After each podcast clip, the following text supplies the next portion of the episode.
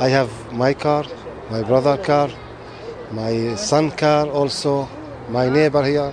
We have about 12 cars here. Det var 12 bilar som slog sönder häromdagen, säger Khaled. Både hans egen och hans sons bil förstördes. En av hans söner har också blivit slagen av arga israeler. Israelisk tv och tidningar säger att det är en grupp unga män som ligger bakom våldet. Männen är israeliska bosättare. De vill bygga hus och bo i den östra delen av staden Jerusalem och på Västbanken.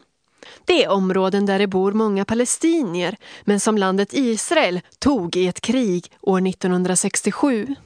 Ibland händer det att israeliska myndigheter säger nej när israeler vill bygga i östra Jerusalem och på Västbanken. Då hämnas vissa bosättare genom att anfalla oskyldiga palestinier. Det kallas prislappsattacker. Men det finns många israeler som är arga på de män som gör det här. En av dem är Gadi Gvarjahu. Han säger att de våldsamma männen egentligen vill straffa den israeliska regeringen för deras politik. Men istället attackerar de oskyldiga palestinier. They want to punish the government about things that the government doing to them. So they have to stop it now. Vi måste få ett stopp på det här nu, säger Gadi.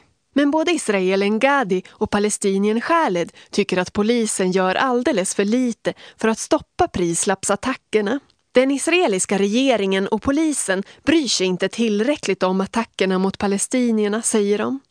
För Khaled betyder våldet att han inte har kunnat jobba på flera dagar.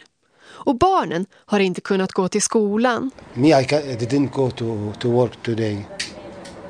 My brother, my son. This is a big problem.